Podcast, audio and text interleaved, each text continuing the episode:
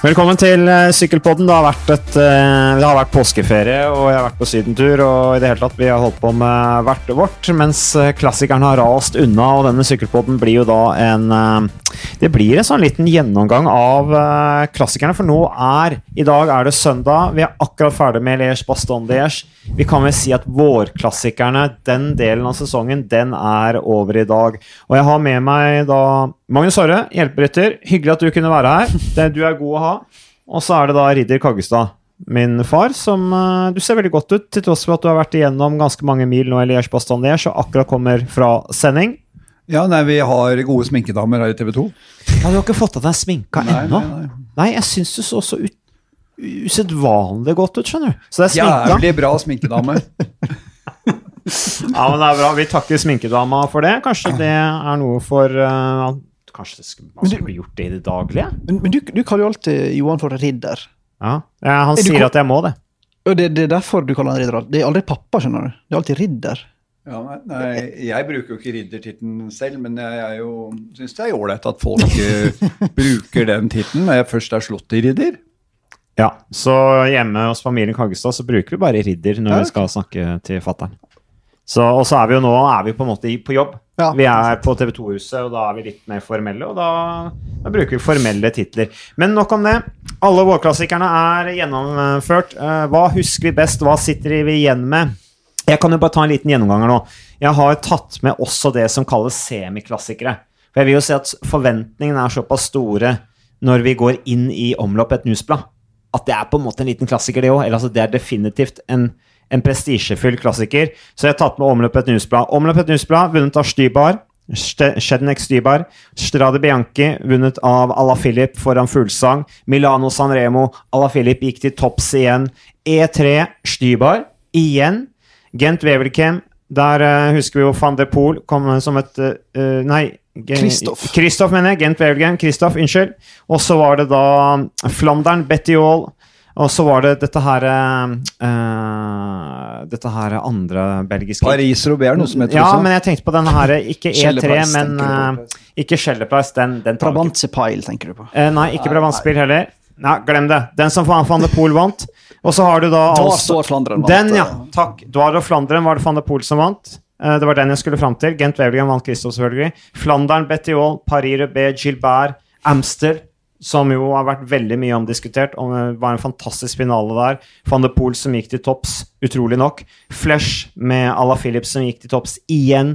Tredje store endagsrittet han vinner i år. Og så er det nå da Liège i dag, hvor Fuglesang endelig gikk til topps etter et fantastisk solobrudd, fantastisk angrep. Eh, vi gratulerer danskene og Fuglesang og Astana med den seieren. Så hva tenker dere? Hva, hvilke, hvilke, altså, man husker jo gjerne siste best, men uh, hvilke av klassikerne dere husker best? Det jeg sitter mest igjen med for min del, er i alle fall Mathieu van der Poel. Jeg sa i forrige podkast at han kom til å vinne alle klassikere de neste ti åra. Du har satt litt på spissen. Men måten du vinner Amstel på, er såpass ekstrem og uvanlig. for at du har Sykkelløp er jo, hvis du sammenligner med mm, en fotballkamp, da, så går det veldig stille for seg. Det kommer rytter i mål et par av støtteapparatet jubler litt, kanskje et par av tilskuerne roper litt luft. og sånt. Men jeg har aldri opplevd en sånn fotballkampstemning som du hadde før du hadde på Amstel. Altså Hele målområdet eksploderte, det var et vanvittig liv. Det var et ekstremt trøkk, og det var liksom klart største opplevelsen vårsesongen 2019 for min del, i alle fall. Og så var det så ekstrem fysisk prestasjon òg. Den spurten hans gikk jo fra 800 meter og inn til mål, nesten. Så det var liksom så ja. jeg, jeg, har de, jeg, har de siste, jeg, har tallene på den siste kilometeren hans. Altså 1.07 brukte han på dette oppløpet når på en måte spurten begynte. Uh, og Da hadde han maksfart på 66,2 km i timen. Han hadde en snittfart på 58,1 km. Han var oppe i over 1400 watt. Snittwatt på 611. Han, han var oppe i en puls på 197, og en snittpuls i løpet av de 1.07 på 190. Og dette er jo da på slutten av et 260 km langt sykkelløp. Så det er ganske vanvittige tall på Mathieu van der Poel. Sier jo noe om at han takler lengden bra, da. Ja, det som imponerte meg også, ved siden av Det var jo kjørestyrken hans, og det så vi allerede i Flandern rundt, hvor han eh, veltet. Han punkterte på et uheldig sted. Han veltet ganske kraftig. Vi lurte på om han var ferdig for dagen. Og så kommer han, kjører han seg opp fra den ene gruppa til den andre, opp til da gjengen til Alexander Kristoff og blir nummer fire i spurten der. Da fikk vi en viss peiling på at her var det noe stort som var i ferd med å skje. Og så var det Det var jo like utrolig det han gjorde i Amstel Gold Race, for der og han er jo litt uferdig også rent sånn taktisk, for han gikk jo da over fire mil fra mål. Mm. Fikk med seg Gorka Isagire, var det vel. Og uh, Gorka Isagire var jo bare en sleeping partner. Han var jo der for å passe på Mathieu van der Poel og ikke gjøre noen ting. Og uh, Han var jo med og dro, da. Ja, det var kosmetisk. Mm. Det var bare for at han ikke skulle bli halshugget av alle de nederlandske tilskuerne. Og så skjønte Mathieu van der Poel at det var, det var lost case. Og så slapp han seg ned i hovedfeltet, og der satt han rolig. Helt rolig, og det ble jo godt over minuttet. Og så begynte han å kjøre, og det er noe av det verste jeg har sett. Hvordan han bare det, det, var jo rene traktor. Det er ikke traktor, for det går jo ikke så fort. Men det var jo rene racerbilen. Ja, men jeg er litt, jeg er litt usikker på Jeg er helt enig med deg men, eh, i den analysemåten. For at, er det ikke litt sånn at han gikk i det bruddet med Gorka Isagiri Nå er vi tilbake i Amstel Gold Race, som alle forstår. Han gikk i det bruddet med Gorka Isagere. Merkelig brudd, syns jeg. Ja, det var han som gikk, og så kom Gorka Isagere og hang seg på. Ja, og hvorfor i all verden gjorde han det? Altså, og når de ble tatt igjen Det var voldsomt kjør fra Quickstep. Ja, han lot seg ta igjen og skjønte at det var lost case. Ja, og det, det måtte jo bare skje, ikke sant? Det var såpass langt igjen fra mål, de skulle inn i et kupert terreng. Quickstep kommer der, kjører med Ala Philip Kjører perfekt. Al Philip kliner til, går av gårde med Får med seg fuglesang med, med flere. Passerer disse rytterne som har vært i brudd. Kjører ifra et perfekt angrep fra Al Philip. Og så er det jo egentlig Så blir jo Matthew van de Poe redda av at eh, Fuglesang og Ala Philip slutter å samarbeide. Hadde, ja. de, hadde, hadde de samarbeida normalt eh, for, altså, eh, Grunnen til at de ikke samarbeida, var fordi at Fuglesang han han, han, ville ikke altså han, han, han, hadde ikke lyst Han så at han er ikke en, en like sterk avslutter som det Ala Filip er, og han ønska da på en måte å være kynisk. Eh, og har jo sagt at det var kanskje en tabbe, men han ble i hvert fall nummer tre, da. Eh, og unngikk i hvert fall at Ala Filip eh, vant igjen foran ham, som han sikkert var begynt å bli litt lei av. Men hadde ikke de begynt å, å, å lure på hverandre, så hadde jo van de Poel aldri tatt det igjen. Så jeg mener jo egentlig at van de Poel gjorde et sånn litt gjorde en taktisk blunder underveis og ble litt redda av det taktiske spillet til de to. Det er jeg helt enig i, og det har vi snakket litt om før, at han er jo ekstremt uferdig, som du sier, Johan. Altså både um, i, i hodet og, og, i stil. Men det som er helt kult, er at vi mange begynner jo nå å sammenligne van de Poel med, med Peter Sagan. Hans største trente nok gang sier Peter Sagan og alt det der. Og sammenligne er jo veldig vanskelig. Men det jeg husker når Peter Sagan var ung, han har gjort mange av de sånn rare manøvrene taktisk. Men forskjellen der var at Sagan ble ofte med to eller tre. Van de Poel har mange rare taktiske vurderinger underveis. og Veit ikke når han skal sitte fremst i spurten, eller bak eller hvile seg, men likevel så vinner han. Mm. Så det er liksom eh, bare en helt annen verden. Pil eh, også, det ja. så jeg. Gjorde noen merkelige angrep der. ikke sant? Mm. Sveia en masse krefter, men har allikevel en utrolig evne til å restituere seg etter noen sånne voldsomme, eksplosive rykk. Og det tror jeg han har fra sykkelcrossen, i tillegg til at han er fantastisk uh, fysisk sikkert og har noen gudegaver og en vanvittige gener, uh, som han jo har gjennom sykkelfamilien sin, sikkert. Så, så, så restituerer han seg åpenbart veldig raskt. Mm. Uh, og så klarer han å gønne på igjen med helt fantastisk belastning, da. Igjen og igjen. Så Nei, så det har vi latt oss imponere av. Ja, øh, men han er jo ikke helt ny. altså I 2013 så ble han verdensmester for junior på landeveien. Mm. Bare dukket opp, og da hadde han vel også blitt nederlandsmester på tempo for junior. Ble han ikke verdensmester for Nei, han var verdensmester på fellesstart. Mm. Men det er jo klart en stor beholdning, og han har jo vært vesentlig bedre enn den andre cyclocross-rytteren Wout van Art, som også er imponert. Men det har ikke blitt eh, den uttellingen som Mathieu van der Poel. Og Nederland trenger, eh, sykkelsporten trenger en ny type som Mathieu van der Poel for å holde interessen ved like. Han er jo en gave til sykkelsporten, vil jeg da si. Ja, og Nederland har jo ikke akkurat De har jo en del gode sykkelryttere allerede, og jeg vil jo tro at sykkelinteressen i Nederland for øyeblikket er ganske stor, men jeg er helt enig i at Matthew van der Poel er en eh, fantastisk idrettsutøver. Vant jo da Amstel Gold Race altså i sin debut i det rittet. Eh, og det er sist gang en eh, rytter vant en av de virkelig store. Det var da Mark Cavendish vant Milano Sanremo i sin debut i det rittet i 2009. Og eh, Matthew van der Poel han skaper jo litt uh, hodebry både for seg selv og andre. Nederlandske landslagssjefen vil bl.a. ha han med til VM-laget i Yorkshire i september. Det kolliderer jo da med sesongstarten i sykkelcross i USA. Det blir jo litt spennende å se hva han prioriterer fremover. Og så er det et VM i terrengsykling i Canada helt i slutten av august. Så det blir spennende å se hva han Ja, ikke minst det siste du sier der, eh, Magnus. For det er jo et OL i neste år. Mm. Hva går han for? Går han for terrengsykling i OL? Han sier det.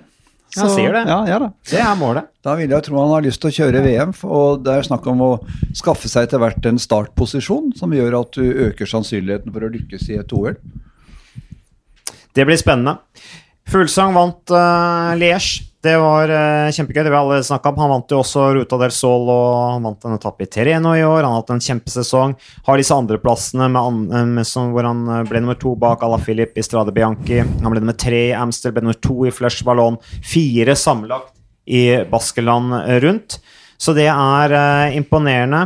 Uh, men det er allikevel Mathieu van der Poel dere ja, det. Det er noe helt annet enn vi har sett på veldig veldig mange år. Altså, Folsang er en fantastisk syklist, men han er jo ikke noen han, han, er jo ikke noe vi ikke har sett før. For å være liksom Nei, Vi bare ser han i en litt bedre ja. utgave. Absolutt, det er imponerende. Etter, han er 34 år gammel. Mm. Han virker så rolig, han virker så bra og trygg på seg selv i år. Uh, han, har, han, har, tatt et langt steg, syns jeg, på rytter, og så er han jo på et uh, lag som har en uh, strålende selvfølelse etter en flott vårsesong. Ja, mildt sagt. Det, ja, de har jo det. De har jo nesten like mange seire som The Kønig Quickstep. Det mangler to eller tre stykker, tror jeg. Det er ikke noe mer enn det. Og, det har trent godt i vinter. Ja, Å stå på pallen for, på, i alle tre av denne klassikerne, det er jo ikke noe vi har sett uh, på mange mange år. Det har vi sett, Philip Gilbert var den siste som gjorde det i 2011. Da vant han jo alle tre, da. Men uh, Og så har vi jo da Ala Philip. Jeg, jeg, tenker at van der Poel, uh, Fuglsang og Ala Philip er kanskje de rytterne mm. som har på en måte er de vi husker best. Det har prega nesten alle rytterne. Ja, prega vårsesongen best. Mm. Uh, så jeg vet ikke om vi skal Men, men du, van de Poel, er den du husker best? Fremdeles? Absolutt. Ja. Absolutt. Ja, jeg, jeg kommer jo nå rett fra Liège-Passon-Liège, og det er jo klart jeg husker best det siste jeg har sett. Mm. Og så var det litt sånn følelsesmessig at endelig så var han fuglesang i en avslutning hvor vi trodde han ikke skulle gjøre det, men han, han lyktes med det som arrangøren hadde håpet. Han klarte å sprenge feltet i den siste bakken og holde unna til slutt. Han er jo god på tempo òg. Uh, det syns jeg var uh, Det var litt Matti van de Poel over det der. Uh, så det er de tre gutta som står frem. Og så syns jeg andre vinnere i denne klassikersesongen er jo EF Education. Som var et veldig lite synlig lag i fjor, som har vært der og satt farve på stort sett alle finaler i hele år. Og Betty Aall, som vant da eh, Flandern rundt etter en strålende avslutning. Så det er tre i uh, Amstel Gold Race med, med, Clark. Ja, ikke sant. Og de hadde Nei, jo to, mener jeg. Unnskyld. Ja, de hadde jo, har jo hatt rytter i finalen hele tiden. Uh, Michael Woods mangler litt på toppformen. Var der i dag igjen. Så um, det er et lag som har uh, veldig pluss i margen etter det de gjorde i fjor. Uh, andre lag, andre ting som har skjedd positivt. Jeg synes, Det var jo litt rørende at Philip Gilbert vant Paris-Roubais. Han gjorde det på en uh, skikkelig måte også. Uh, kom inn alene sammen med Nils Pollitt. Uh, også en mann som har tatt et langt steg. Ung gutt. Katusha har jo for øvrig hatt en helt begredelig sesong til nå. Nok en gang. Nok en gang, ja. Så Skal vi, ta vi tenner et lys for de. Vi tar ikke et, ja, vi kan tegne lys for flere. Dimension Data. Dimension Data tenner et lys for. Det blir det andre lyset vi tenner et lys på David Rebellin, som har annonsert Nei, han, at han flagger vi for, at han endelig har lagt opp karrieren. Han, han skal legge opp i løpet av sommeren. Ja. Um, så det er vel kanskje de vi tenner et lys for når vi snakker om eh, vinnere og tapere i uh, årets sesong. Ellers, uh, ja, kan tenne et fjærlys også, Alejandro Valverde, eller? Magnus, du ja. er jo veldig venn av spansk sykkelsport. Har du noe info fra Spania? Nei, men jeg tror Valverde og Sagaen er jo på en måte i en sånn unik posisjon at når til og med Saga blir nummer fire i Sandremo og fem i Robé og elleve i Flandern, eller hva det var, så snakker du om en skandalesesong. Mm. Det sier alt om nivået. Det samme med Valverde. Han bare vunnet ett løp hittil i år. Veldig mange sier han er, han er dårligere enn tidligere. Det er fantastiske resultater. Men det de sier for de som er liksom rundt denne Movistar-gjengen, er at det er ikke det der klassiske fellene har gått i, at VM-trøya har gjort at han har fått så mange distraksjoner, ikke fått trent nok. Altså, han har blitt så ivrig at han har trent for masse. Som heller ikke er et ukjent Litt sånn som han gjorde når han var dopingutestengt. ja. Nei, men Det er lett å ja. liksom skulle virkelig vise frem VM-trøya og da gjøre det lille mhm. ekstra. Mm. Og så er han blitt litt eldre og trenger kanskje litt mer tid til å restituere seg mellom de harde innsatsene. Mm. Så da, Han har visstnok trent litt i senk, men han er jo med og kjemper likevel der oppe. Mm. Uh, litt samme som uh, det ble sagt om Froome i, i Colombia på trening, at han uh, ga litt for masse, og da får du en dupp, og så må du stå over noe litt, men han kommer garantert tilbake igjen. Det Er men er ikke det gjerne ofte litt sånn at man egentlig kommer inn i sesongen litt på hæla, og så skal man plutselig gjøre litt for mye, for man har litt dårlig samvittighet. Mm. Uh, og så gjør man alt litt for intenst og litt for mye Jeg syns vi har uh, hørt tendenser fra det før, i, i norsk idrett i hvert fall. Uh, at det ofte er en, en, grunn til Men nå vet du ikke hva som er grunnen til Alvarde, mm. men det er det de sier i Movistar, i hvert fall. At han, har, at han er rett og slett litt overtrent. Ja, for jeg tror han er den siste som slunter unna på trening. Ja. Så det, det, når det går dårlig for han, så er det stort sett at det går andre veien. Ja. Jeg ville heller vært engstelig for Gerdin Thomas. For uh, den triumfen i Tour de France i fjor, det var, uh, det var liksom karrierehøydepunktet for Geraint Thomas. Det var noe han hadde drømt om. Og så opplevde han det. Han er jo en sosialt sterk fyr også utenfor sykkelsporten. Så han har mye gode venner som ville ham vel, og de har feiret i det vide og det brede. Han har fått sine ordener av dronning Elisabeth, og, og han sier jo selv også at han uh, tok en mye lengre pause enn det han normalt har gjort. Litt uh, fleskete var han rundt Woman også da han startet treningen i år. Og du skal tross alt trene av deg fettet før du begynner å trene deg i form. Så jeg er litt spent på om Geraint Thomas når frem. Jeg er veldig fan av Geraint Thomas. for jeg tror sykkelsporten trenger en sånn fyr som ikke er så redd for ting. Men jeg er litt engstelig for om han når frem i år. I, men nå har vi ikke sett noe til, da. Nei, jeg, har, jeg må si, Hvor er Geraint Thomas? Han, sykler han? Han, han sykler jo Baskeland rundt. Ja, og Det så det ganske lovende ut, helt til han gikk inn i velten så veldig mange gjorde. Ja. Så det er vanskelig å bedømme formen hans, føler jeg. Men, jeg var litt eh, engstelig for han. Mm. Jeg håper at uh, Også et annet lag som all, all, er spennende å følge med på, det er jo Team Sky, da. Eller Ineos. Nå skal de jo øke budsjettet når han Radcliffe har kommet inn over 40 millioner pund. Dvs. Si at de vil ha et budsjett som begynner å nærme seg 450 millioner norske kroner. Det, du kan få kjøpt mye syklister for differansen mellom det de har i budsjett under, under Sky og 21st Century, Century, Fox, og det de får med han Jim Ratcliffe. De kommer til å pøse på med gode ryttere. Og så ser vi da at uh, uh, Kwiatkowski har vært ålreit. Han, han, blir litt blekere jo lenger ute i klassikersesongen det kommer. Uh, Luke Rowe var ålreit, men ikke noe resultater. Rob Poles har vært, un Poles har vært under par i. Men så er det disse unggutta som dukket opp nå i forrige uke. Mm. Sivakov, pappaen var jo landslagsrytter i Russland. Mora har medalje fra sykkel-VM, i hvert fall på lagtempo. Vokste opp utenfor Toulouse. Uh, Pappa Sivakov han syklet jo Spania rundt da Valverde vant sin første etappe i nettopp Spania rundt. Ja, Så han var ung pappa, altså. men, eh, men eh, Og så er det han Georgen, Georgen Hart, som jeg har veldig sans for. Det er en skikkelig fighter. Men jeg er uenig med Sky at de kjørte ned Liège på Liège i dag. Når han har hatt en sånn hard belastning som uh, Tour of Alps. Såpass ung gutt. Men det blir spennende å se Sky. De er i ferd med å bygge fundamentet for noe bra igjen mot Tour de France. Uh, jeg har mistet Kirienka, som sliter med sykdom. Uh, ja, det er jo hjerteflimmer. Det er og det, det, har vi grunn til ikke snakket noe særlig om. Nå døde det en ny belgisk godsyklist i denne uka. 27 år gammel. Det var en for noen få uker siden også. Så var det han som døde, Golart, som døde i Paris-Roubais i fjor. Mm. Det er mye av det, og det tror jeg ikke nødvendigvis har noe med doping å gjøre, men jeg tror noe at folk er ikke klar over hvilken kolossal belastning det er på hjertemuskulaturen å drive utholdenhetsidrett på det nivået disse gutta gjør. Men Helt enig med at det er et åpenbart problem, men, men, hva skal en gjøre med det? Ja, det er spennende, men det, det, det har jeg sagt. Uh, at man burde rett og slett lage en studie på det. Eh, det har noe med totalbelastningen å gjøre, bl.a., hvor du kan redusere risikoen for at du ender opp med, med hjerteproblemer og dør av det. Men det, det gjøres allerede nå. Altså, jeg husker allerede når vi var amatører i Frankrike, sykla for ACBB Atletic Club Boulogne Billancourt i 2001, så var vi en del av et ganske strengt regime rundt dette med å, og følge med på hvordan det gikk med hjertene våre. Vi måtte, for å ha lisens i Frankrike så måtte vi gjennom regelmessig hjertetesting. Uh, og det var jo det samme da som vi også måtte som proffer. Uh, tre ganger i året minst måtte vi innom og teste hjertet. Det, jeg mener. Ja, det, det, er fint, det er ålreit. Og det, var jo for å forebygge. Men hva kan man gjøre når det gjelder trening og uh, måten du lever på, som reduserer risikoen for, risikoen for, at det skal skje noe gærent? Det er det jeg er opptatt av. Der burde det vært en, gjort en studie. Det eneste studiet som er gjort på utholdenhetsidretter i Norge og hjerteproblemer, er jo på birkebeinere.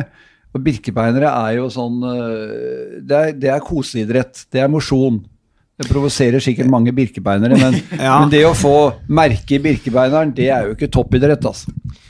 Vi får ringe til Stein Ørn, og han har vel noe tall på det allerede, uten at vi skal begynne å, å snakke om det. Ja. i og med at vi, Dette her er noe vi egentlig ikke hadde på planen å snakke om i det hele tatt. Ellers kan vi bare nevne, når vi var inne på Garen Thomas Eh, han har jo ikke hatt noe kjempestor sesong. Han fullførte riktignok Baskeland rundt, ble nummer 40 sammenlagt der. Han brøt jo Terreno Adriatico, ble nummer 12 i Strade Bianchi. Det var et bra resultat. Ja, Og så har han da Valencia rundt, som han sesongdebuterte med, hvor han da ble nummer 13 på den tempoetappen som Edvard Boasson Hagen vant. Eh, ble nummer 44 samlet der. Men vi kan jo også nevne at han skal til Tour de Romandie, som begynner på tirsdag, altså 30. april. Og så skal han eh, etter det Hvilke ritt skal han kjøre etter det? Dagens quiz. Dagens quiz, ja. Uh, Hammer Stavanger er han satt opp på. Nei! Jo, det, det blir jo artig. julaften i Stavanger. Da håper jeg Og unnskyld meg nå, arrangører i Stavanger. Vi var på Hammer Series i fjor. Det har vært et av de tristeste sykkelritt jeg har vært på i mitt liv. Det var så mangel på atmosfære at jeg trodde jeg var kommet til uh, landsmøtet for Kristelig Folkeparti. Såpass? Ja, det var så tragisk. Og så kommer Garin Thomas, det kommer mange store navn. Kan man ikke lage noe fest ut av det? Få mobilisert Det er derfor Garen Thomas, Garen Thomas kommer. Han er ja, da må de gjøre noe ut av det. Da må de gjøre noe ut av det. Det er jo en av verdens største idrettsutøvere i 2018 som kommer til Stavanger. Ja, det kolliderer jo fort med en vikingkamp. Ja. ja. Det er ikke noe internasjonalt nivå over norsk klubbfotball, altså, det må jeg bare si. Men eh, Sky og Team Inios, som vi nå må venne oss til å kalle, de skal jo da endre navn offisielt da under Tour of Yorkshire, som begynner på onsdag. Det går også på TV 2. Da sender vi både damerittet og herrerittet fra kilometer null Sånn at det betyr da at jeg og Miriam Bjørnsrud skal først da kommentere damerittet. Miriam Bjørnsrud og du skal alltid ta damene først. Ja, jeg beklager det. det er, eh, man er aldri Riddere vet hvordan man skal uh, ordlegge seg. jeg tar det til etterretning. Miriam Bjørnsrud og undertegnede skal altså kommentere da Tour of Yorkshire, damerittet. Det er to etapper. Det er etappe to og tre i Tour of Yorkshire. Fra kilometer null og så når de er i mål, så starter vi herrene, som også skal sendes hele sendinga fra kilometer null. Det blir en del timer med kommentering på meg da, og det gleder jeg meg til. Så eh, Men da blir det altså Team Inios. Det eh, blir litt spennende, fordi at i Yorkshire så er de veldig miljøbevisst. Og der har de varslet at der har de tenkt å protestere mot denne sir Ratcliffe. Eh, som er god for mange var det to, over 200 Petrokjemi. Altså, han har jo vært med å forurense verden, han. Ja, men han er god for over 200 milliarder kroner, bor i Monaco. Uh, og publikum Du vet hvorfor han flytta til Monaco? Ja, For han tjente mye penger. Ja, Han skulle spare skatt. Ja. Egentlig bodde han jo Er det ikke derfor folk bor i Monaco, da? Jo, men egentlig, Han hadde flytta tilbake til England, men så skulle han plutselig spare skatt, og regnet ut at han sparte 4 milliarder pund på å flytte til Monaco. Han skulle bare først ha med seg den sir-tittelen, for det var jo rett etter at han fikk den tittelen. Vet du hva andre kona hans vet at hun er utdannet som? Nei. Skatteadvokat. Ja, men da var det jo kanskje Da hadde hun oversikten, så hun skjønte her regna de på det og fant at det var lurt å flytte til Monaco.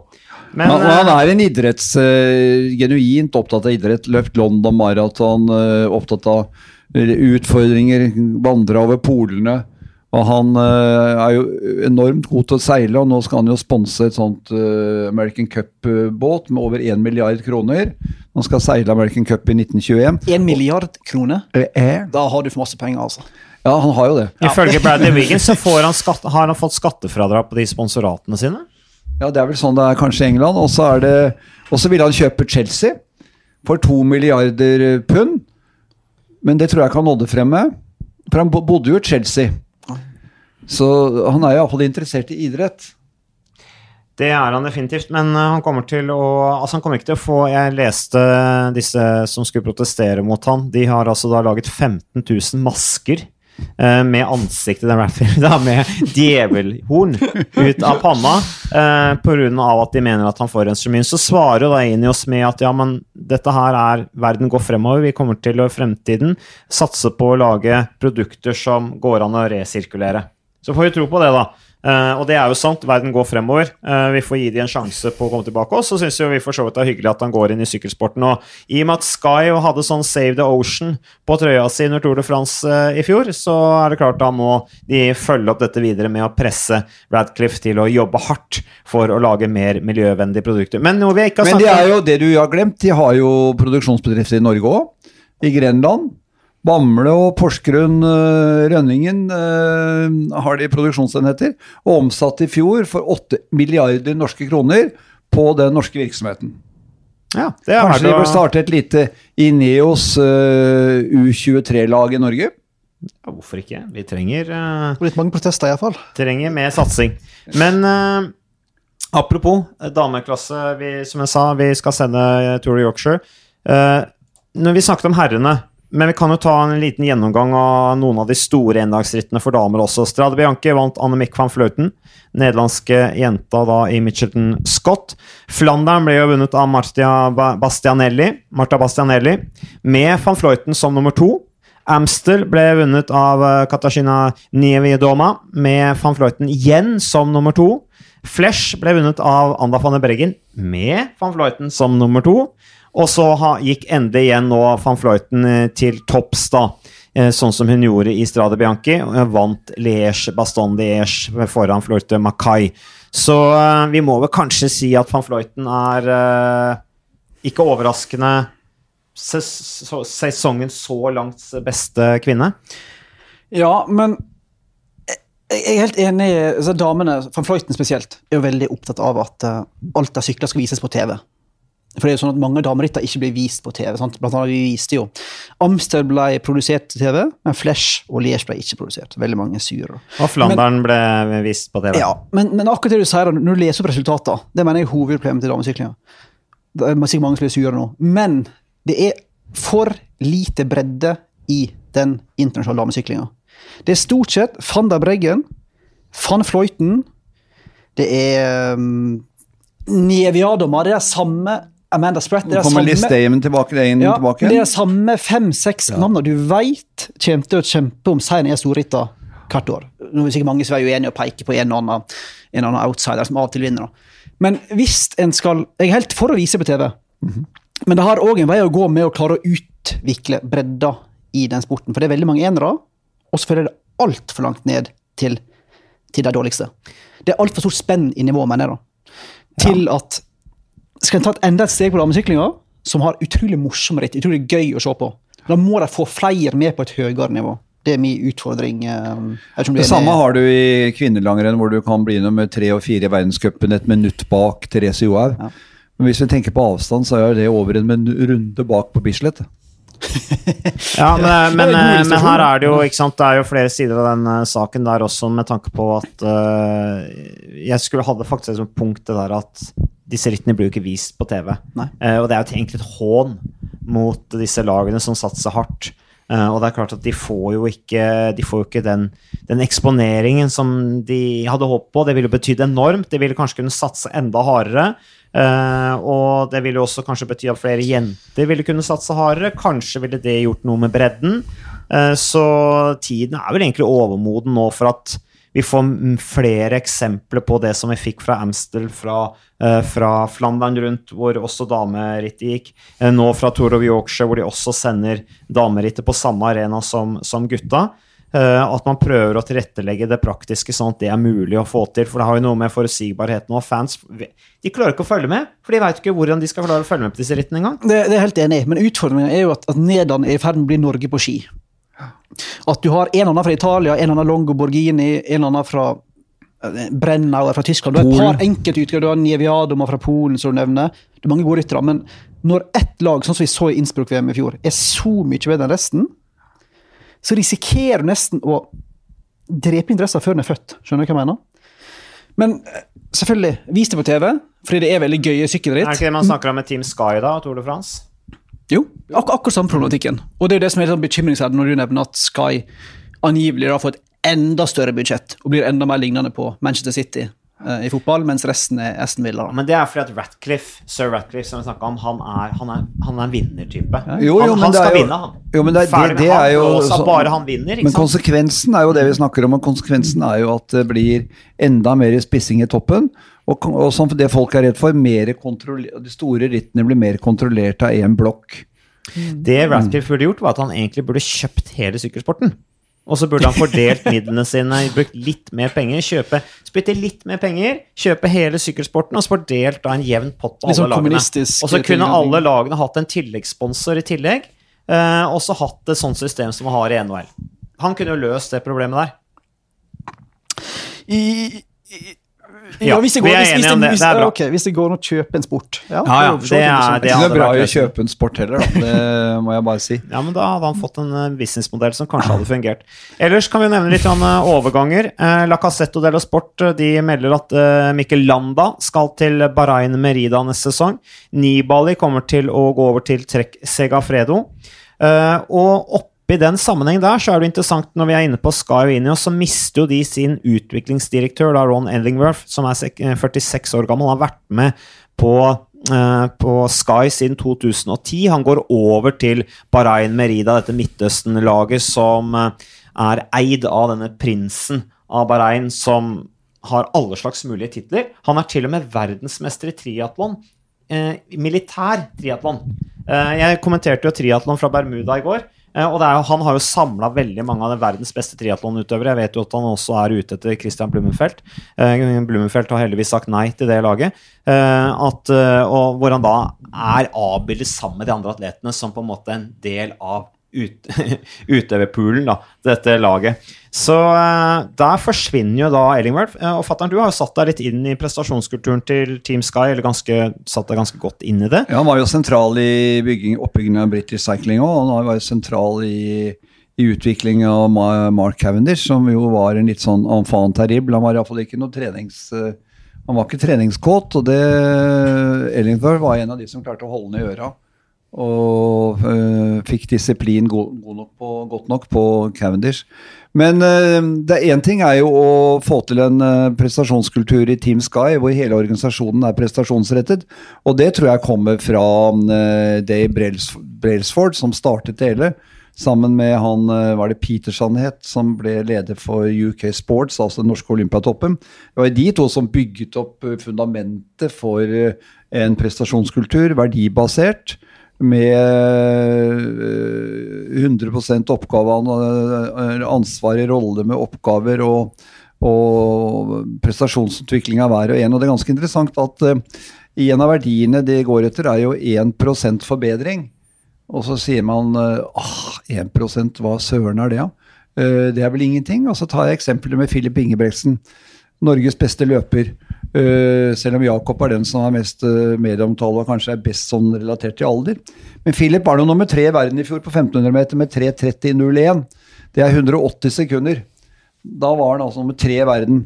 Hvis han hadde forbedret seg 1% så er det 1,8 sekunder, og da ville han løpt på 3.28,2 og vært nummer én i verden istedenfor nummer tre. Og sannsynligvis tjent 10 millioner kroner mer på å være nummer én istedenfor nummer tre. Ja, så kan du angre på at du ikke ble 1% bedre. Ja, nettopp. Så hvis du, hvis du blir 1 koster. bedre for hvert år, så er jo det en kapitalisering, renters rente. Og da kan du bli ganske mye, mye bedre. Men Sky jobber jo systematisk med verdibasert utvikling og utfordrer hver og en i organisasjonen på forbedring. Og det har jo Ellingford med seg, men han må jo få den nye organisasjonen med på det, og det kan ta en to-tre år, det. Fordi folka i Bahrain skjønner dette. Så han må altså ta med seg disse winning behaviors da, fra Team Ineos, som det nå blir hetende, inn i Bahrain. Det blir spennende. Blant annet dette continuous improvement, som altså er konstant fokus på helheten relatert til prestasjonsevne. Alle, som du sier, fatter'n, kan bli 1% bedre. Så det blir spennende. Vi Det kan vi i TV 2 òg, det. Ja, alle kan bli 1 Ja, bedre. Ja, minst. Minst. Alle kan hele tiden bli litt bedre. Det kalles å være ydmyk. Ja. Så eh, det jobber vi med. Det Men må vi eh, det er en ting vi ikke har snakket om de norske rytterne. Hva skal du si nå, Magnus? Nei, Jeg skal akkurat til å spørre deg om de norske rytterne. fordi eh, Når vi snakker om damesykling, så savner jeg jo de norske damerytterne. Ja, jeg er litt uh, uklar der. Og uh, jeg syns de har hatt uh, forbedring. Jeg syns landslagstrener Pedersen har, har bidratt til å videreutvikle. Olympiatoppen har jo tatt tak, er veldig opptatt av disse damerytterne kommer til å bli fantastisk gode. Sigurd Åge Gjelsvik. Jeg ser forbedring. Uh, Susanne Andersen syns jeg har hatt en brukbar overgang til Team Sandweb. De kjører henne forsiktig, og det er bra. Uh, hun er jo fremdeles ikke god nok i de litt hardere rittene. Men i de andre rittene så lykkes hun bra. og så er jeg veldig sånn som Stine Borgli. hun er jo ikke på noe profflag og vil heller ikke være på high-tech. Hun har ikke noe sans for det laget. Så der har du en rytter som har kjørt offensivt og bra i år. Han var beste norske i VM i fjor også. Kanskje det hadde vært noe av det viktigste for norsk sykkelsport og Olympiatoppen å få henne inn på et profflag. For det går jo an å mm. forhandle med profflagene og se at en jente som har stå såpass stort talent, bør inn i en organisasjon som kan uh, videreutvikle talentet hennes. For hun er tøff småbarnsmor Uh, eh, Starta sykkelkarrieren sin på en oljeplattform. Hvem er det som drar med seg sykkelen sin ut på en oljeplattform da? og blir en av Norges beste? Bare det viser jo at jenta er kanskje skulle, ganske gæren. Skulle til Sida Gotto Lauritzen. ja, men det måtte være en sånn type uh, som, som, som, fikser hun har, jeg, hun har kjørt bra i år. Uh, Vita Heine er mer tilbake enn det hun var, men mm. det er mm. fremdeles et gap. Og så har de, mindre jeg regner feil, så, så tror jeg ikke norsk dame har vunnet UCI-ritt siden mai 2017. Siden Emilie Moberg vant en etappe i det der Tour of Shushan Island i Kina. Ja, det, det kan hende jeg har glemt noe nå, men jeg tror det er standard. To år uten en eneste UCI-seier. Katrine Aalerud har jo potensialet til å gjøre, gjøre, det bra, men hun går jo i bakken på de absolutt gærne tidspunktene som er. Så det hjelper ikke å være god til å stå pint hvis du detter før siste port. Nei, men uh, Susanne Andersen er vel den som har hatt den beste sesongen så langt av de norske. Hun er jo også på desidert det beste sportslige opplegget når hun nå er en del av Team Sunweb, som, uh, som er et av disse World Tour-lagene som også uh, har et damelag parallelt med, med herrelaget. Men det var det Magnus var inne på. altså Bredden i internasjonal topp. De beste er veldig gode. De har mange år bak seg på sykkelsettet. De er godt over 30 år, mange av de beste. Eh, det tar tid å utvikle kvinner på det nivået. Det krever et miljø, bl.a. en treningsforståelse og en vilje til å gå gjennom alle disse årene hvor du lever fra hånd til munn. Uh, jentene er kanskje mer opptatt av hva kommer til å skje etter karrieren. Uh, hvordan skal livet mitt se ut om tre-fire år? Uh, kombinere utdannelse med sykkel. Alt tar tid, og skal du satse på to hester, så brenner du ofte ut i begge ender. Så det er en stor utfordring for de unge jentene som vil satse, men de bør jo støttes eh, godt nok når de viser seg at de har tæl. Da må man gå inn og støtte de som har den tælen, og se om det kan hjelpe til. Men jeg tror at uh, utviklingen vil skje ved at to-tre beste norske jentene hjelpes inn i gode utenlandske profflag. Ja, det er en interessant tanke. Så vi støtter den, fatter'n. Vi er enige i det. Er vi enige om det? Har vi banka det gjennom? Vi har banka det gjennom. Så hvis dere har noe, hvis det er noen Olympiatoppen, gå inn, åpne opp døra for de norske jentene i utenlandske lag. Eh, og hjelp de der, støtt de der. og Da sier Olympiatoppen at det er jobben til Norges Sykkelforbund. Og så sier Norges Sykkelforbund at vår jobb er å utvikle sykkelsporten generelt i Norge, men de har et landslagsansvar. Men for å få et godt landslag i VM, så må de faktisk utvikle de enkeltrytterne som har et potensial.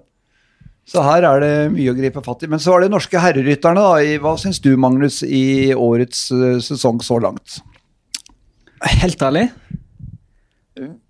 Ja, det er lov å være helt ja, ærlig. Ikke, ikke all verdens, egentlig. Uh, selvfølgelig Alexander Kristoff uh, redder jo uh, det meste. Ja, Det er bare å se på rankingen. Det ja, ja. rankingen. Han er rangert oppe i toppen. Fantastisk sesong. Ja. Uh, men klart mange av de gutta som vi hadde håpet skulle ta et steg, så vi venta på mange år, type, type Daniel Hoelgaard, type Odd Kristian Eiking, Sondre Holst Enger. Framtida har de ikke fått til, av forskjellige grunner. Mange selvfølgelig gode grunner, mange har vært syke og skada og sånt.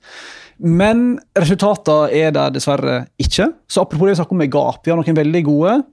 Og så har vi mange blitt de som er imellom. Som er Vi har én veldig god, er min, slik ja, jeg ser det. Jo, men jeg mener jo at eh, Edvald klinker til, om ikke med jevne mellomrom, så i alle fall med ett og annet toppresultat. Eh, ja, jeg ser jo potensialet til Edvald, men det, det, det, blir langt mellom godbitene, altså. Ja. Og så klart, eh, Bystrøm, Stakelangen gjør helt, helt OK sesonger. Men så er jo litt eh, sykkelsportens forbannelse. da, at Det er jo det er mange som skal jobbe for én her. Ja. Det er ikke sånn at alle skal vinne det. Men konklusjonen må være at jeg tror du er enig, Mats, men at um, Norge sett under ett 2019 ikke så veldig veldig bra på proffnivå, altså. Nei, jeg synes, Alexander Kristoff må jo få godkjent tredjeplass i Flandern. Uh, seier ja, ja, ja. Han kjempa som bare det i Milan San Remo, ble med 14 der. Uh, så, så, og, og, og havna i den situasjonen med laget hvor han har måttet gjøre mye opptrekksjobber for Gaviria osv. Han syns jeg definitivt får, får godkjent. Amund Grøndal Jansen syns jeg er solid. Uh, han har en flott utvikling. Han har ikke vært proff mange år. Han har etablert seg på et spennende nivå. Han er jo i ferd med å fylle litt det gapet. sant? Ikke bare ren hjelperytter, ikke kaptein, men en som kan være begge deler og vinne et par ritt. Han er jo på en måte redning her, da. Ja, og så begynner han å liksom bli såpass sikker på seg sjøl at han begynner liksom å utfordre liksom, Ja, hvorfor er det Det er ikke selvsagt at jeg skal være hjelperytter i VM.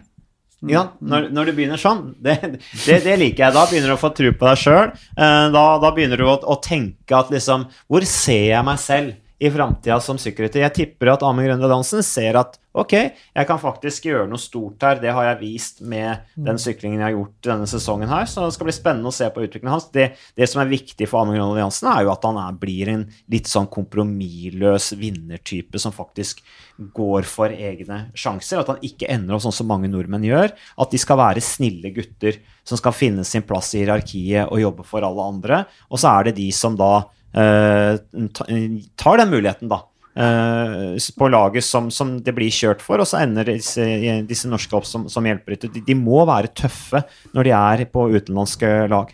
Ja, men så ser La oss ta U23-VM. Så har vi da medaljevinnere de siste årene. Vi har Kristoffer Halvorsen, vi har Sven Erik Bystrøm, vi har Sondre Holst Enger, vi har Hvem flere er det vi har? Medaljevinnere. Amund var like ved. Mm. Amund har tatt steget, syns jeg. Skjerping, Skjerping var jo medaljevinner. Mm. Uh, de andre faller igjennom. Det kan hende at de ble proffer litt for tidlig, at de ble proffer i et miljø hvor de ble aleine. Uh, eh, ja, men, og at de er i et miljø hvor de må kjempe for ja, posisjonen. Ja, det er ålreit å kjempe for posisjonen, men det er noe med at vi er, er nå der i dag, da. Også, hvor er det vi ønsker å være om to år? Og skal vi flytte oss fra et ikke godt nok nivå til godt nok nivå, så må vi altså gjøre noen endringer. Og da er det helt avgjørende at vi ser på hvilke endringer må jeg gjøre treningsmessig, organisasjonsmessig. Hvordan bruker jeg tida mi for å bli litt bedre til å sykle? Men hvordan gjør vi da, for å stille vanskelige spørsmål, hvordan får vi da Kristoffer Halvorsen og Amund Grønli Jansen og med andre opp på det nivået at de tar opp arvene til Edvald og Alex? De begynner jo å gå mot sine ikke siste år nødvendigvis, men de er på, de er på slutten av karrieren. Mm. Hvordan får vi da de nest beste Johan, opp på det nivået? Jeg tror de har mye å lære av uh, Alex og Edvald og gjerne Thor og disse beste rytterne. Uh, men hva er de villige til å forsake? Hva er de villige til å endre på? For de må altså endre på noe. De må, inn, de må være ydmyke nok. De må innse at det nivået de er på i dag, det holder ikke. Da må de altså gjøre noen endringer, og så er de gjennom da en mentorordning eller en coachingordning og finne ut hva er det hva er det rett og slett de må klare å forandre på av faktorer. Det kan være noe treningsfaglig, eh, teknisk faglig, eller rent organisatorisk, hvordan de organiserer livet sitt og dagen sin. Det, det, tror jeg er veldig bra, viktig det du sier der. For jeg tror når du blir proff, så kommer du inn, på, inn, i et miljø hvor det er så innmari høyt nivå, og så blir det på en måte litt sånn Du kan det bli litt apatisk, da. At du tenker at uansett hva jeg gjør nå, så kommer jeg ikke til å klare å ta igjen disse gutta som er så mye bedre enn meg. Uh, og sånn som Kristoffer Halvorsen, det er klart at når du blir U23-verdensmester, det talentet han har, så, så Potensialet er der jo. Han kan jo bli fantastisk god. Og det, der, det er mange som mister litt trua på at de kan bli gode når de blir proffer i utenlandske lag. De, blir, de, forsvinner litt inn i store systemer. De, de blir litt usynlige, på en måte. Uh, og det er vel derfor også at, disse, at, vi har hatt såpass gode resultater på U23 og juniorsiden i Norge. fordi at der har man jobbet veldig tett med hver enkelt, og så kommer de i utlandet, og så er de litt aleine, da. Så, og, også, også, og, så slutter de å være toppidrettsutøvere på en måte det der at de hele tida jobber med prestasjonsutvikling og har ikke folk rundt seg som, som pusher de nok. Men er konklusjonen din da i forlengelsen av det du sier, at norske ryttere egentlig bør ta steget til prokontinentalnivå før World Tour? Forsvinner du mindre i et uh, Vanti Grop Gobert, Kofidis, uh, Israel Cycling Academy? Nei. Nei? Jeg tror ikke det ah, gjør det. Altså, okay. når du Så fort du reiser til utlandet, så, så er det lett å, å, å, forsvinne inn i et sånt system hvor du, du, du får fort mister på en måte litt av den Du er ikke en del av den kulturen du en gang var. Vil, i Norge, vi har en ganske sterk prestasjonskultur på de satsingsmiljøene som er i Norge, hvor det jobbes hardt og alle er motiverte, og det er felles giv mot felles målsetting og sånne ting. Og det, det er en utfordring når du kommer til utlandet. Det blir ikke helt det samme der. Fordi at man trener ikke like mye sammen, det er ikke det samme samholdet osv. Og, og så blir man sulne litt rundt for seg alene. Se, se, på Sondre Holst Enger også, da. Uh, han har jo også, vi kan vel trygt si, uh, bortsett fra det året han kjørte Tour de France Mieheim, at han har hatt utfordringer, og at han det ser vanskelig Jeg syns det, det, det, det, ser vanskelig ut for han å komme seg veldig mye videre. Nå har han prøvd mange år. Jeg tror på en måte at han vil, hvis han skal utvikle seg, så må han komme, komme inn til et, eh, hjem til et norsk miljø. Men mange vil jo si at norske proffsyklister, ikke mange, enkelte, vil si at de har det for godt. Ja, jeg tror du er inne på noe. De tjener plutselig gode penger på syklingen sin. Og de blir genierklært i lokale miljøer på grunn av et ganske middelmådig nivå. Iallfall hvis du sammenligner med det beste. Og da er det veldig lett å systemforklare hvorfor man ikke lykkes når man konkurrerer med de aller beste. For man mister realitetsorienteringen. Eh, det, jeg tror det er noe av problemet. Må, altså, det, det, er jo lett å finne ut eh, hvilket nivå de beste er på, for det er bare å se de sykle. Uh, og så må du sammenligne med deg sjøl. Hva er uh, Identifisere la oss si, de 15-20 viktigste faktorene for å bli god til å sykle. Og uh, hvordan ligger jeg på de forskjellige faktorene i forhold til de beste. Uh, og da er det jo å plukke ut en tre-fire områder hvor du må prioritere å bli bedre på. Og så må det følges opp, og du må være villig til å forsake og gjøre de og de tingene. Og når du leser storyen til de fleste av disse rytterne, så er de altså De kommer ikke til dette med sølvskje i munnen. Og jeg har jo hørt ungdommer som har kommet fra utlandet og kjørt gutteritt i Norge, og som sier at jøsse navn, se på det utstyret. Se på hvordan de har det i 12-13-14-15-årsklassen. De bæres jo frem som sånne halvproffer for å kjøre gaterint rundt hushjørner i Norge. Du vet hvilken nasjon som bruker mest penger på sportsutstyr per capita i verden? Ja, det må jo være Norge. Norge. Eller Bermuda eller noe sånt. Men Mats, du som har vært proff sjøl, er, er, du en av de som syns at norske proffer har det for godt, og ikke er villig til å ofre alt? Jeg vet ikke hva jeg skal mene om det, men jeg lurer på hva du som har litt jeg mer bare snakke for meg selv. Jeg hadde det godt sjøl da jeg var proff. Altså, mange vil nok sikkert si at det var en tøff tilværelse, men uh, når jeg var proff Jeg hadde jo som plommen i egget. Jeg tjente, vi fikk lønn hver måned og bodde nede i Frankrike der og hadde uh, relativt stor frihet til å styre hverdagen vår sjøl. Vi trente jo hardt og sånn, hadde jo veldig lyst, men det var jo på en måte jeg må jo si at på en måte drømmen var jo å bli proff, og så ble jeg proff, og så så jeg nivået, og så sluttet jeg å drømme litt, og så mistet jeg litt troa på meg sjøl, og så bare gjorde jeg litt det som, som jeg alltid hadde gjort. Prøvde hele tida å komme i form, men det var på en måte jeg mista litt den der systematiske eh, prestasjonsutviklingstankegangen som som jeg opprinnelig hadde. Fordi at jeg mista litt trua på at jeg kunne ta sånn. Ja, altså Det er forskjell på å vinne eh, Ringerike Grand Prix selv da det var et femdagersritt med god internasjonal deltakelse. Vinne eh, store eh, amatørsyklistritt i Frankrike, og så plutselig får du det rett i trynet. Det, er, det, krever en del. Men så leser jeg litt på disse her storyene til lytterne. Og så var en jeg tok i dag. David de la Cruz, eh, katalaner. Begynte å sykle da han var 20 år. Han hadde jævlig lyst til å bli syklist. Han fant ut skulle han klare å bli syklist. Foreldrene hadde ikke penger, så måtte han ha diverse jobber. Så jobbet han, havnet han i en sykkelbutikk, for det var det morsomste han visste. Og så klarte han å tjene penger til en uh, terrengsykkel av billigste merke. Og så begynte han å sykle rundt på terrengsykkelen og viste talent. Og han eieren av sykkelbutikken sa dette ser spennende ut, jeg skal kjøpe en landeveissykkel til deg, og så skal jeg bli treneren din og så skal vi se hvordan det går.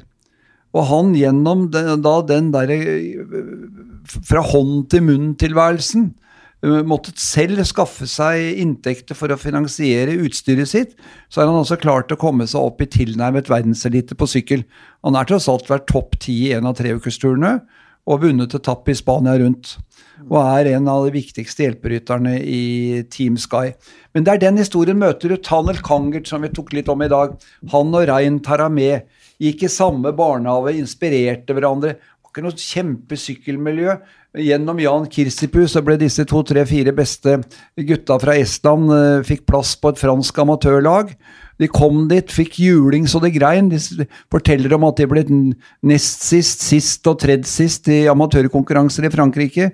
De fem første rittene brøt de hele gjengen forbanna seg på at dette skulle de klare. og I løpet av ett år så vant, vant de de tre første plassene i et av de største franske amatørrittene. Uh, det er noe med tæl, altså. Det er noe med å ville virkelig at det er noe inni deg som vil. Og de som har det, de vil klare å lykkes. Men da, da, da må man ikke se på hvor mye trener, tjener jeg, hvor mye skal jeg få? For de gutta har levd fra hånd til munn, altså. Det er den der litt sånn sultne innstillingen som gjør at man blir god ofte. Ja, og den uh, sultne innstillingen tror jeg veldig mange av de norske rytterne har når de er på har vært, har vært, til nå vært på norsk kontinentalnivå. Uh, og de har farta rundt som uh, sigøynere og, og, Unnskyld uttrykket. Og, og, og, levd litt sånn fra, fra Ja, det har, vært, det har, ikke vært all verdens opplegg rundt de, og de har syklet uh, tøffe ritt, men bodd på dårlig hotell og sånne ting. Og hotell Campanile var jo et luksushotell i gamle dager. ja, det sier noe om standarden. Men ikke sant, de har, de har ville blitt proffer, da. Eh, har, så, men samtidig så, så, tror jeg også at det derre Når jeg har snakket om den norske prestasjonskulturtankegangen altså Litt sånn utfordring, Jeg var jo litt inne på min egen situasjon. Litt min utfordring òg var det at du du, du, du, du, trenger Man trenger tett oppfølging, da. Uh, og det tror jeg du kan få når du er når du er på et norsk lag, også på kontinentallag. Det er ikke sikkert de har de største ressursene, det er ikke sikkert det er det flotteste opplegget, og sånne ting, men det er, det er relativt tett oppfølging ja. mellom gutta eh, gjennom kulturen, og også Eh, La oss se nå på Uno X Joker og sånne ting. Jeg, jeg har på følelse, og ikke minst Coop-miljøet på Rogaland, at det er veldig tett oppfølging. Eh, at de kjenner hverandre veldig godt. Eh, de kjenner hverandre på godt og ondt. De gir hverandre beskjed når, en, når, når en, en, av kameratene dine trener for mye, så gir du kameraten din beskjed og sånne ting. Og det forsvinner litt når du blir proff på et utenlandslag. Da blir det på en måte det Du er mer aleine. Uh, og det der å bli en del av et miljø hvor du blir fulgt opp veldig tett, jeg har inntrykk av at det er nå er det flere og flere lag som er tettere på, så det blir sterkere sånn prestasjonskultur også i de utenlandske lagene, som kanskje vil gagne de norske gutta også.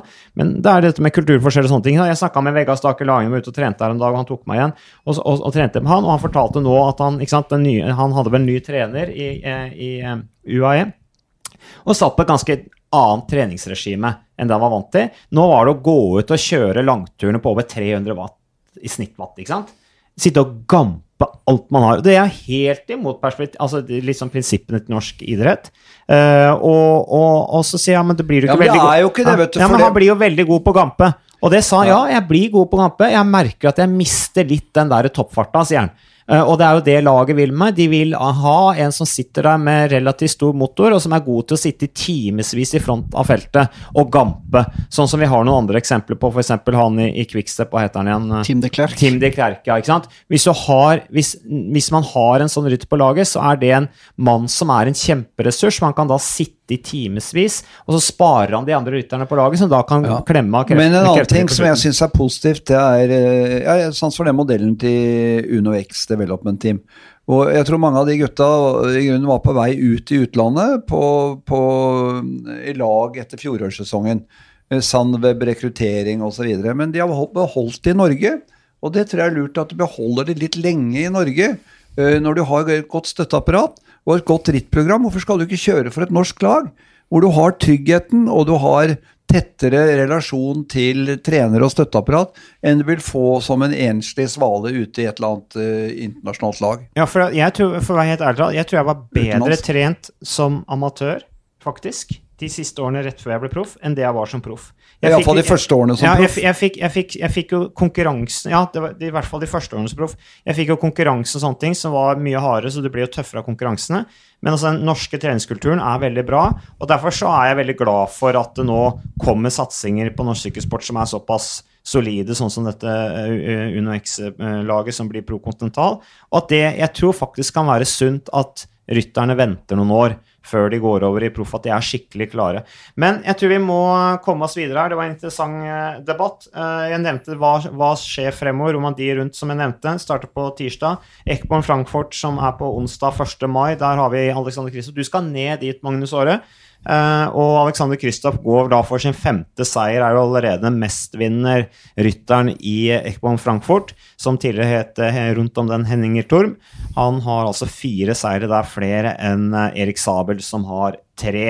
Så det blir spennende å følge med. Flere norske ryttere som skal dit. Og så er det Toro Yorkshire, da. Som begynner dagen etter både herre- og damerittet, som vi også skal sende på TV2. Eh, ellers, har du lest noen bøker i det siste, Magnus? Du, eh, nei, bare sånn uh, usportslige bøker. Altså Ok, Så ikke noe bokbade? Nei, ikke noe bokbademateriale. Det er mye boken til uh, Guillaume Acta. Uh, Sokrates. Sokrates på sykkel. Den snakket vi om på forrige podkast. Ja, det, det, er jo spennende. Han er jo filosof, har jo master i filosofi. Den må vi få en full evaluering av. Ja. Uh, det er en jobb for uh, Magnus. Jeg skal, jeg skal ta ansvar. Ekspert. Litterær ekspert uh, Magnus, hjelperytter, du tar den. Italienske landslaget har for øvrig vært i Yorkshire og sett på VM-løpet, Det er litt interessant. Følg med på Tour og Yorkshire til uka. For der skal de også, på etappe tre, så skal de da innom Harrogate og kjøre VM-runden. som de da skal De skal kjøre 98 km, av herrefeltet skal kjøre 98 km inne i Harrogate. To bakker. En av de er tøff. Toppen er bare 7 km fra mål, og det italienske landslaget har vært der. Hvem brakk kravbeinet i Harrogate? Det var Mark Cavendish. Ja, på første etappe. Hvor, uh, hvem er det som er født i Harrogate? Mark Cavendish. Mora til Mark Cavendish. Mora er det, stemmer mm. det. Stemmer, han er Island Man, er han født. Men uh, Betty sier, uh, var jo en av de rytterne som var der. Uh, Matteo Trentin, Betty Yall og Viviani var der. Uh, også Sonny Colbrelli, og de sa at den løypa her er knallhard. Den er hardere enn Bergen 2017, og endte jo det allikevel i en, en, relativt samlet spurt.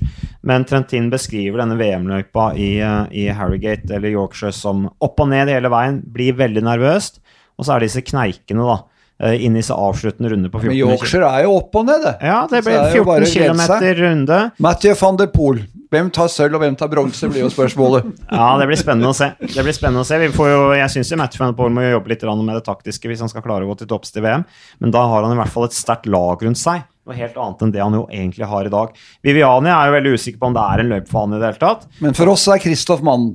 Ja, og Sonny Calbrelli, apropos, sier jo at dette her er ikke en løype for rene spurtere, og Alexander Kristoff er ikke noen ren spurter.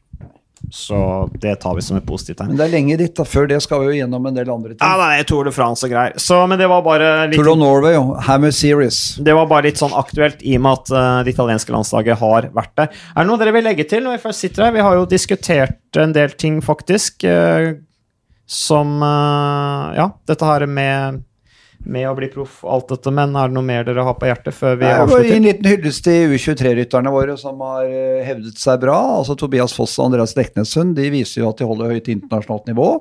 Uh, Søren Wærenskiold er kommet bra i gang etter junioralderen. Og så var det veldig ålreit at Ole Forfang har vist uh, bra takter etter mange år som hjelperytter i Joker. Så det skjer noe. Ja, det var uh, Tobias uh, Foss som jo uh, kom på ble nummer tre da i Liège Baston Liège U23-utgaven og er kjempebra. Så det er Vi har en bra generasjon på vei opp, og så får vi da bare puste med magen og se fremover til det som kommer da neste fase av sykkelsesongen 2019. Og vi er snart tilbake med en ny sykkelpott.